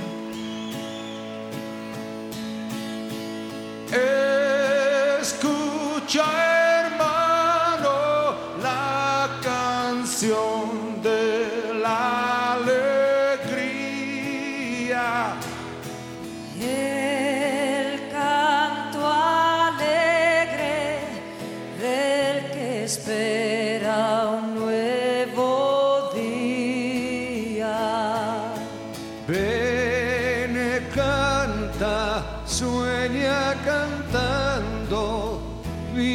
soñando el nuevo sol.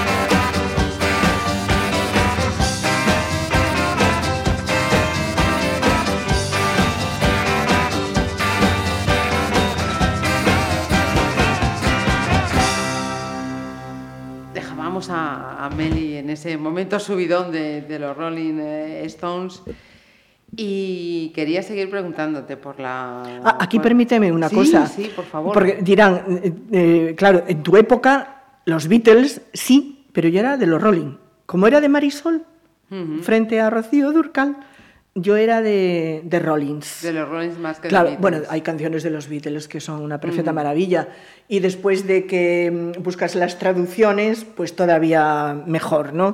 Quizá las letras de los Beatles eh, les dan 200 vueltas a las de los Rollins.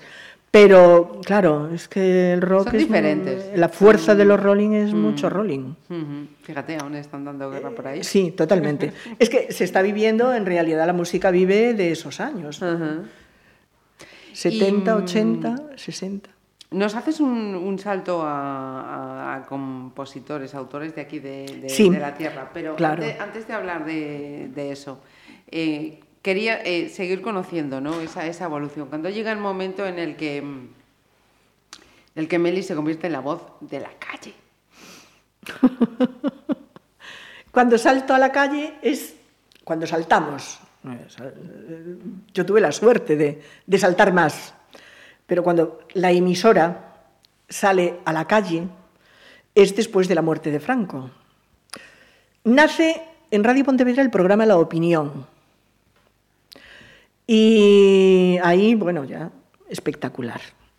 Y al poco tiempo em, em, los, los programas empiezan a sufrir cambios, empieza a entrar todo el- en directo, empiezas a trabajar en directo y empieza la gente a manifestar sus opiniones y todo. Y más que dentro de la opinión, porque yo a la opinión tardé en llegar, tardé un poco, el, el programa lo empezó Fuentes Mora, eh, con José Luis Adrio y después Hipólito Fraguas, y yo tardé aún. Pero bueno, ahí ya se, eh, se- un poquito más, más adelante, fue cuando la radio también sufre una transformación, todo servido desde la central de la cadena SER. Yo recuerdo que habían venido desde la central eh, compañeros que te venían a exponer las ideas, ¿no? bueno, a la dirección y por Ajá. supuesto a los que trabajábamos.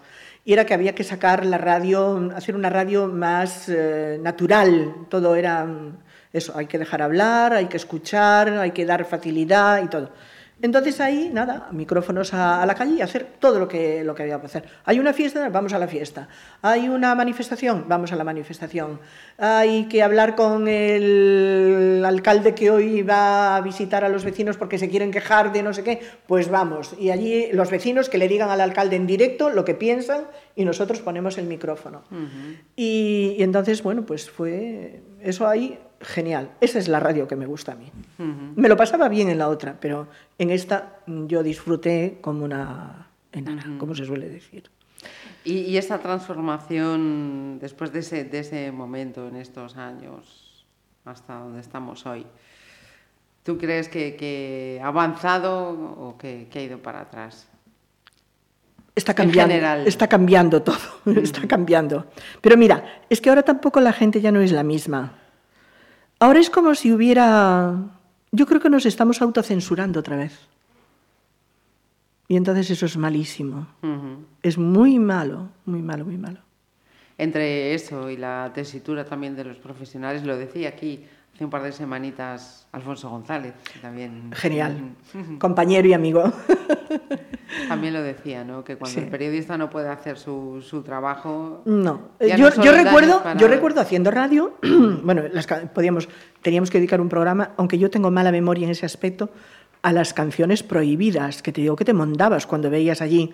eh, ¿Y por qué prohíben esta canción? ¿Escuchabas la canción? Pero esta canción no dice nada. No habla ni de sexo, ni de muerte, ni de política, no dice nada. Y eso también fue espectacular. Entonces, nosotros vivimos la, yo viví La la, radio de la censura.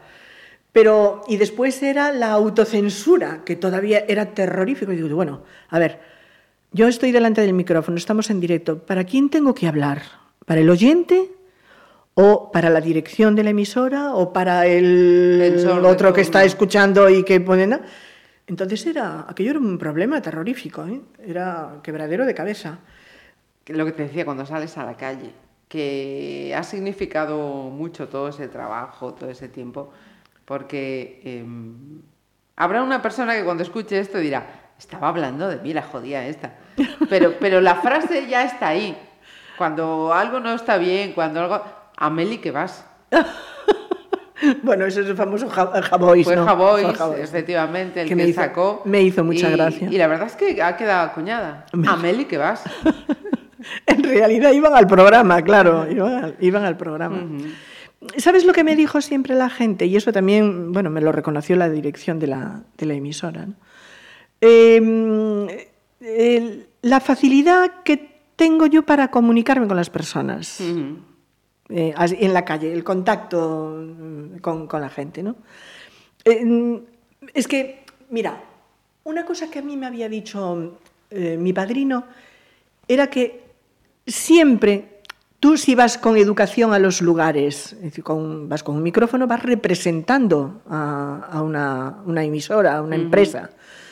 Y siempre que, mm, que, bueno, hay que ir siempre, ¿no? Pero siempre que vas eh, con un micrófono abriendo una puerta, tienes que ir con respeto hacia la persona que te va a recibir.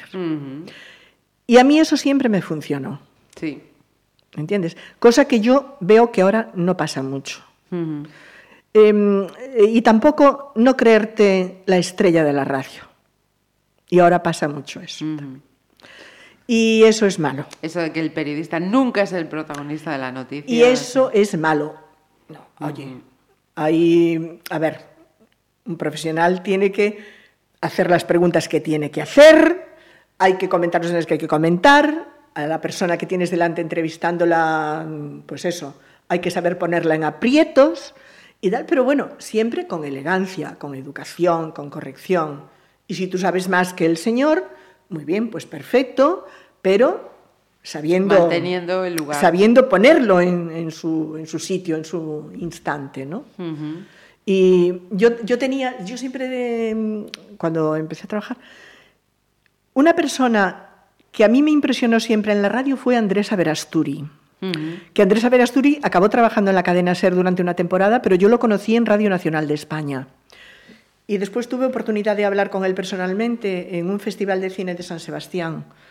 Entonces, mm, yo quería ser como Andrés Averasturi, tener aquella calma, aquel conocimiento, aquella, forma de decir las cosas y de hacer las preguntas, de meter siempre la pregunta correcta en el momento oportuno.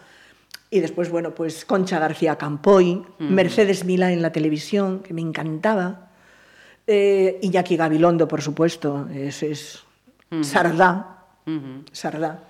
Yo siempre dije, esto es, ahí, ahí está un, un profesional como la copa de un pino. Sardá se bajaba los pantalones delante de la cámara en un programa de televisión, al día siguiente se sentaba con el presidente del gobierno y tú a Sardá no le habías pedido- perdido el respeto. Ujú. Él sabía hacer las cosas. Eso solo, yo solo se lo vi hacer a, a A. Sardá, ¿eh? Solo se lo vi a él. Porque a mí me dio mucha rabia. Yo cuando vi en Crónicas Marcianas bajarse los pantalones a Sardá, me dio coraje. Pero dije, no tienes necesidad de hacer esto. hacer, ujú. pero, pero después, eso, al día siguiente se sentaba con quien fuera y él hacía una entrevista que tenías que sacarte el sombrero. Chapo. Exacto. Bueno, pues eso es la, La profesión. la radio. Eh, citaba yo antes a Alfonso y resulta que en su playlist también aparecía Suso Bahamonde. Mira tú, Sí. con otro tema diferente, pero también estaba. Pues escuché yo el play de, de Alfonso y no, ahora, ahora no, me, no me acuerdo. Bueno, ya hace dos semanas. Sí, hace, hace ya dos semanas, efectivamente. Estaba con efectivamente. gripe después, eh, se me fue la... Ah, pues no, no me... por- claro, por voces Teibes, seguramente. ¿no? Pues eh, por un festival, eh, él, como decía, Aquí en de la- De la, Pontevedra. República Independiente de Campo Lameiro. Ah, en Campo Lameiro, claro, donde nació, donde, donde, Mozos, que claro, un festival claro, muy claro. importante y que no, creí que te vio a- hablaría, pero Alfonso a lo mejor no, en aquella época, espera, no, era muy Pues joven, eligió Alfonso. exactamente, mira, lo he encontrado, Amor apresurado, Amor apresurado, ¿no? de Suso Bahamonde. Sí, pues mira, yo a Suso Bahamonde, ¿sabes por qué lo elegí? También lo conocí personalmente, era un tío estupendo. Mm, Era en la época, es que ahora, ahora no sé si me perderé. Mm, Yo bailo mucho con, ya, ya viste que bailé mucho con, con- con los años, para arriba, para abajo, para abajo, para arriba. Mira, otro de mis gustos, a Roda, por ejemplo, a mí me encantan las Ajá. canciones de taberna. Ujú. A mí me pones en una taberna a cantar y me encanta cantar. Todas estas canciones populares, que era lo que se cantaba cuando tú me preguntabas a veces en tu casa, y en, en las casas de, de todos nosotros, cuando éramos niños en los 50, se cantaban las canciones populares. ¿Quién- después, María Hostiz, María que- María Hostiz no descubrió nada, estaba todo descubierto con aquello de hoyos verdes son traidores. Bueno, mujer, eso lo cantaba yo cuando tenía cinco años. Ajá. Ella no descubrió nada. Entonces, eh, en- eh, a Roda, bueno, de a Roda ten- tengo yo una anécdota. Ya parezco Lolita. Eh, en, un, en un local de, de comida aquí en Pontevedra, que era pequeñito, pequeñito, y que la, la señora cocinaba como Los Ángeles, y tenía una cocina, bueno, no voy a decir el nombre, ya no existe el local, ¿eh? Ajá. Tenía una cocina que no era precisamente la cocina del Ritz, ¿me entiendes, no? Sí. Tú tienes un jersey negro, bueno. Eh, pues así, la cocina. Pero, jova, ¿cómo se comía allí? Entonces, en esa cocina, un día con Arroda, eh, la- nuestro grupo de, de chicas y Arroda cantando canciones, fue espectacular.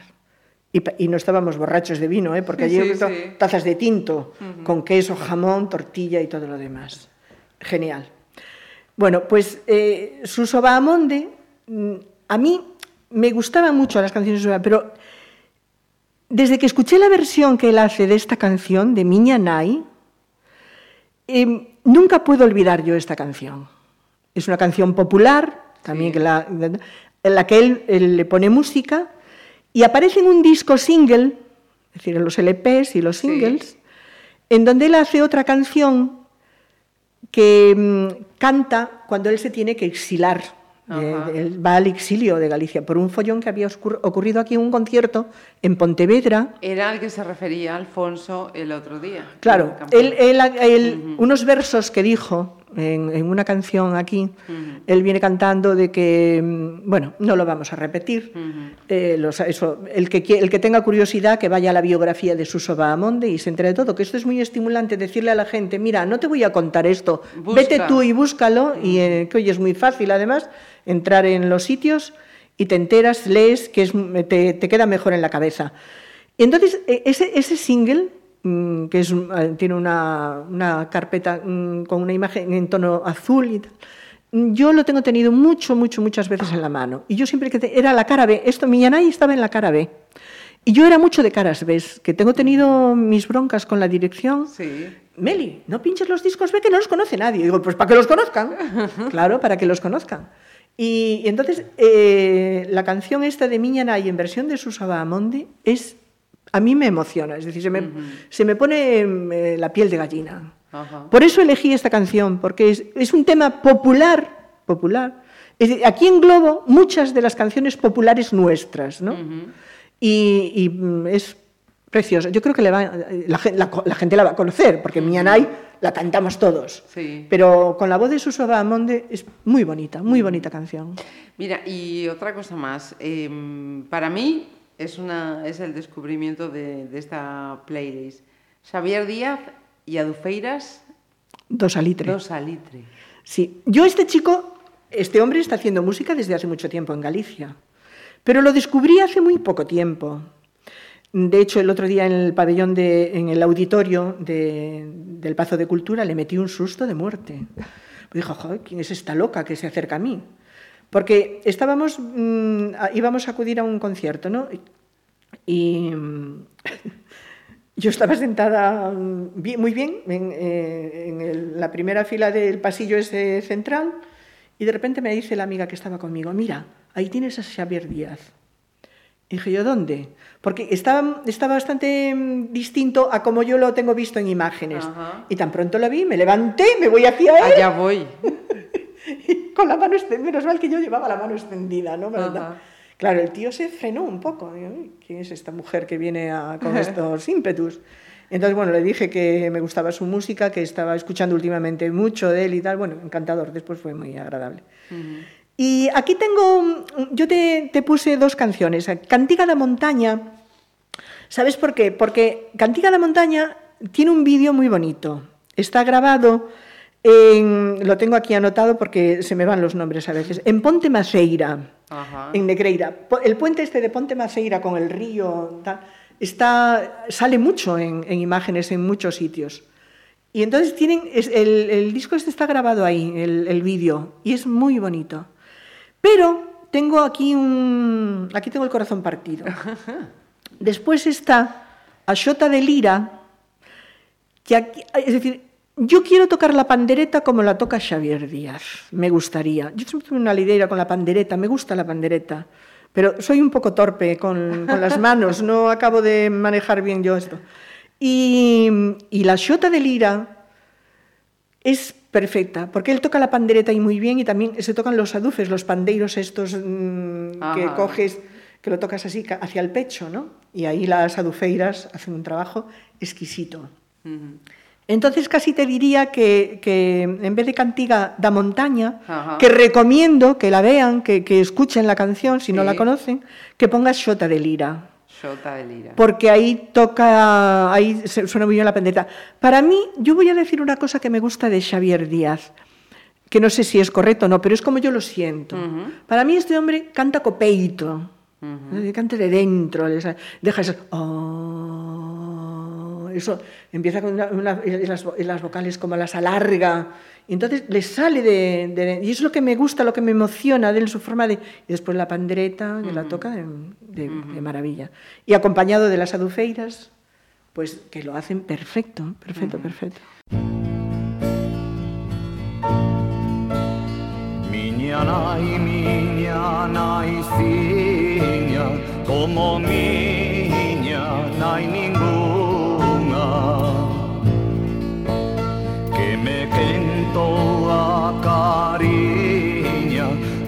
lor da sua, eu tamen.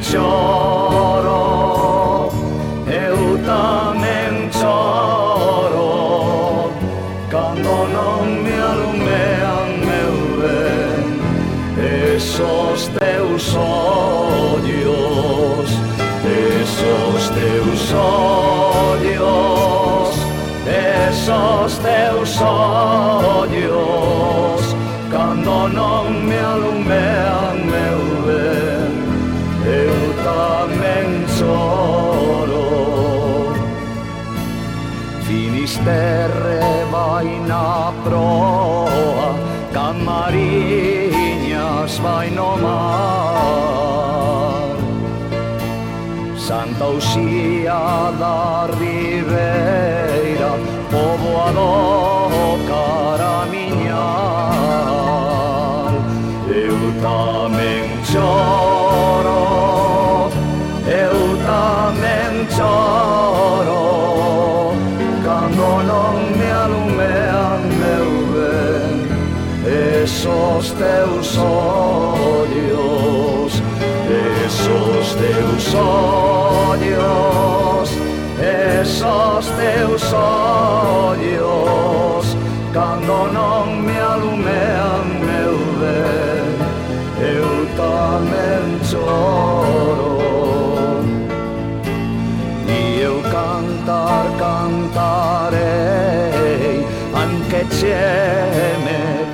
miña vida Que as verdades ao cantalas fanse cousa tu e niña Eu tamén choro Eu tamén choro Cando non me alumean meu ben Esos teus olhos Dios.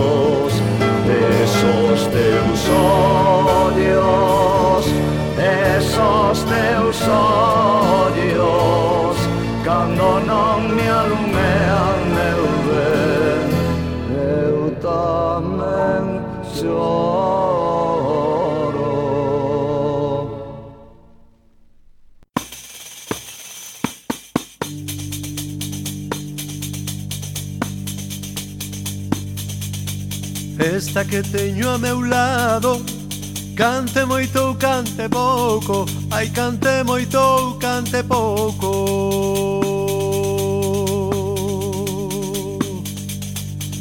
Esta que teño a meu lado. Canta moi ben arreglado. Ai canta moi ben arreglado. Ali vai a que canta regalando coa súa garganta. Bota flores, bota flores, todos queren ser os seus amores.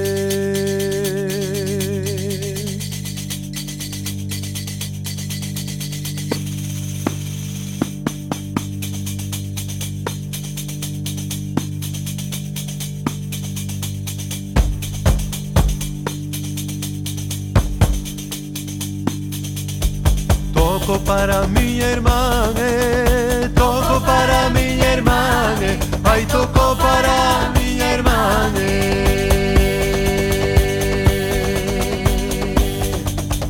Para outra non lle toco aunque me paguen na mane Ai anche me paguen na mane. Ali vai a que canta Regalando coa súa jarjada flores Todos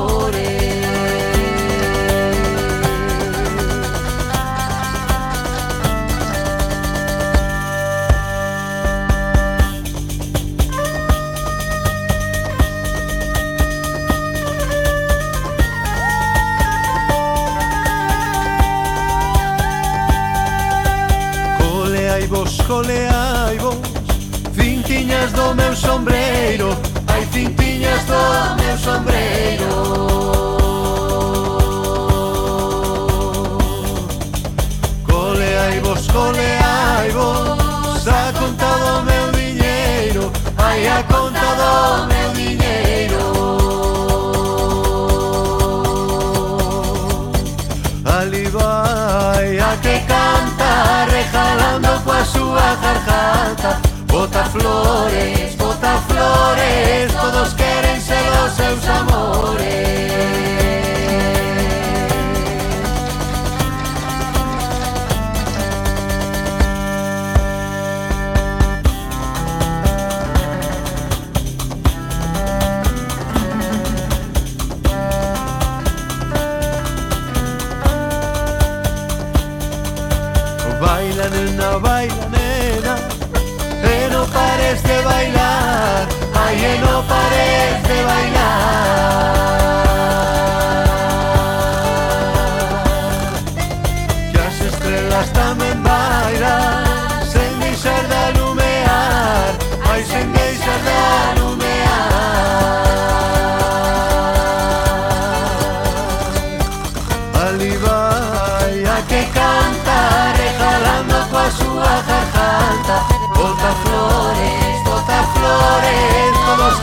Todos amores.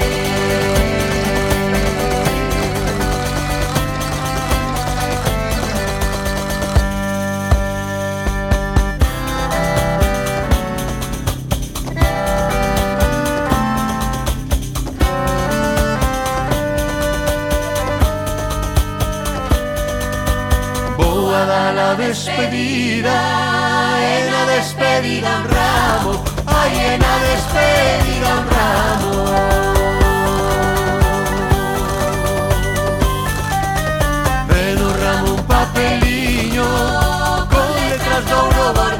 pasado, hay con letras de borrado. Ay, a que canta, rejalando a su garganta, bota flores, bota flores, todos queren ser los seus amores.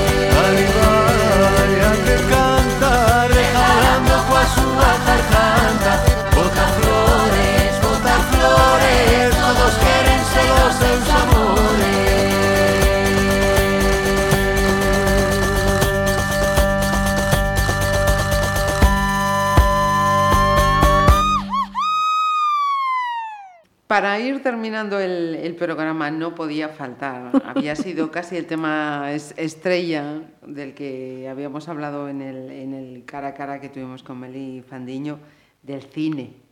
¿no? Cine, cine, cine, cine, más cine, por favor. Que todo en la vida es cine y los sueños, Sueños cine son. Efectivamente, pues eh, yo digo, para el que quiera saber, porque viene esta afición al cine y tal, les añadimos aquella entrevista del cara a cara, ¿no?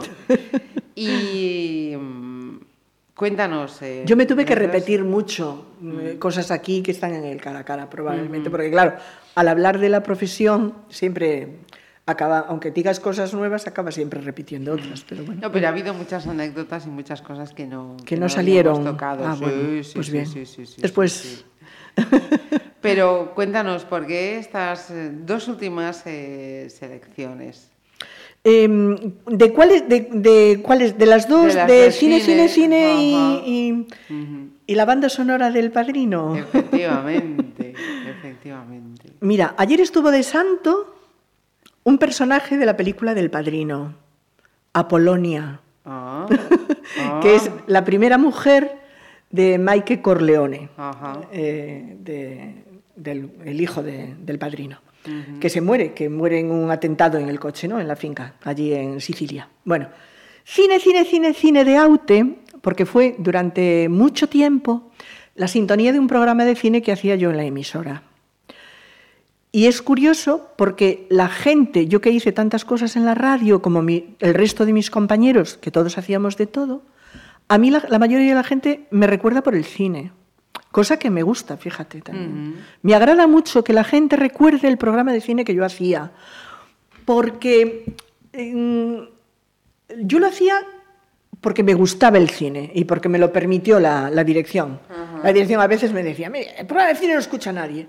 Y tú, además tú recomiendas una película y es la que no hay que ir a ver. Entonces, a ver, ¿qué película hay que ir a ver? La que no recomiende Meli. Esa es a la que no hay que ir a ver. La que diga Meli que es buena, no vayáis a verla. Mentira, ¿no? Pero bueno. Eh, pero se metían todos conmigo por eso. Entonces, eh, por eso, porque fue la sintonía y porque Aute me gusta mucho. Y es otra- otro con Serrat, con Miguel Ríos, bueno, hay tantos. Y la banda sonora del Padrino, tengo algunas bandas sonoras, por ejemplo. El- me gusta la banda sonora del último tango en París. El, el tango, por la música que Gato Barbieri. A mí me gusta mucho el saxo, el Ajá. sonido del saxo, porque también me gusta el jazz, mm, no soy entendida, ¿eh? Sí, me sí. gusta, me gusta. Y el, el saxo es un instrumento, un instrumento que me gusta mucho. Y claro, la banda, de, la banda sonora del último tango en París fue muy fuerte. Y yo recuerdo además poner mucho. el- eh, había un disco single eh, en donde aparecía pintado en amarillo y una fotografía de Marlon Brando recostado en, en la portada de ese. Y ahí sonaba eh, la, banda, la banda, mm, parte de la banda sonora con Gato Barbieri. Y mm, después está El Padrino, que curiosamente pues está Marlon Brando también dentro de la película. Y Nino Rota, yo creo que compuso una banda sonora Soberbia. que es espectacular. Bueno, seguramente eh, me dirán muchos que están escuchando esto, bueno, niña, y esta, y esta, y esta, y esta, y esta. Pero bueno, para mí, porque además todo, toda la banda sonora, la canción de amor, el vals, eh, y entonces yo, por ejemplo, es una, una música que tarareo mucho. Siempre me viene, igual que un paso doble que tengo, que no sé por qué lo tarareo, pero lo tarareo. Es el gato montés. Ese podía ser mi, mi fondo musical de vida, el gato montés. Porque me gustan mucho las bandas de música y las bandas de música tocando pasodobles. Y, y después, por supuesto, pues para mí ya, yo creo que es espectacular. Es muy buena, muy buena. Igual que las tres del padrino, ¿no? La uno, la dos y la tres. Pues eh, el cine y Meli van a ser los que mm, pongan el punto final a esta playlist, que espero que hayas disfrutado, Meli. Pues sí que la disfruté muy yo. bien, muy bien, muy bien. Me lo que pasé bien. Se trata de eso, ¿no? De pasar un, un rato agradable Sí. con nuestros invitados, conoceros un No sé si repetí música que hayan repetido Nada, otros. absolutamente ninguna. Claro, es que Absolutamente es que es muy Un poco de todo, ¿no? Eh, ahí está la salsa de la que- vida. Un poquito, es claro, un poquito tiene, tiene como me gusta a mí, ¿no? Bueno, y fal- yo pondría también a Pavarotti si pudiera. Pavarotti es un hombre que me gusta porque entiendo lo que dice cuando canta. Su vocalización es tan perfecta cuando canta en italiano que porque cantando en español es muy malo. Eh, que me- me- pero no todo, ¿eh? a mí la ópera no me gusta, por ejemplo, pero haya, y cantando canciones populares italianas, él, es una maravilla, es perfecto, es perfecto. Y entonces, bueno, pero Podían estar. muchos, muchos, muchos. Podían estar. Muchos, muchos. Nos faltan grupos españoles, nos faltan- ¿quién no conoce los brincos? Y, bueno, en fin. Pues Juan podemos, Junior. podemos llamarte en otra ocasión y hagas una segunda. La No, no. cara B, la cara B de la playlist, mira tú. Pues podía ser. podía- pero no, cuando hagas la de vídeos. Ah, vale, perfecto. Te tomo la palabra. Te te haría, ¿sabes lo que estuve tentada también? No sé si me estoy pasando, me estoy No, pasando, no, pero no, bueno. no, tú dime, tú dime. ¿Sabes a lo que estuve tentada? A hacerte una lista de dúos. Ah, Estos dúos que se unen, voces importantes que se unen de vez en cuando para hacer una versión.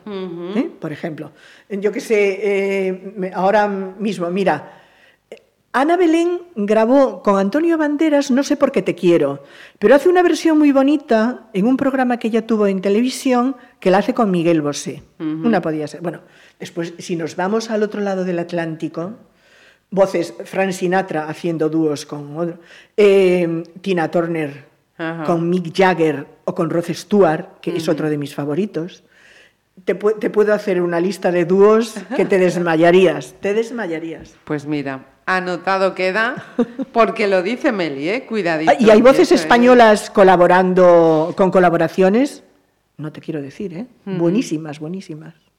Pues nos quedamos con la propuesta. Meli, un ves. placer, de verdad, y cuando quieras, ya sabes, puertas abiertas. Eh, eh, te puedo hacer tu lista. También te podría sorprender, Sam. También sería muy, muy, muy, muy, muy, muy, muy Un día, un día ecléctica. nos sentamos y yo te hago la lista a ti. Hecho, hecho.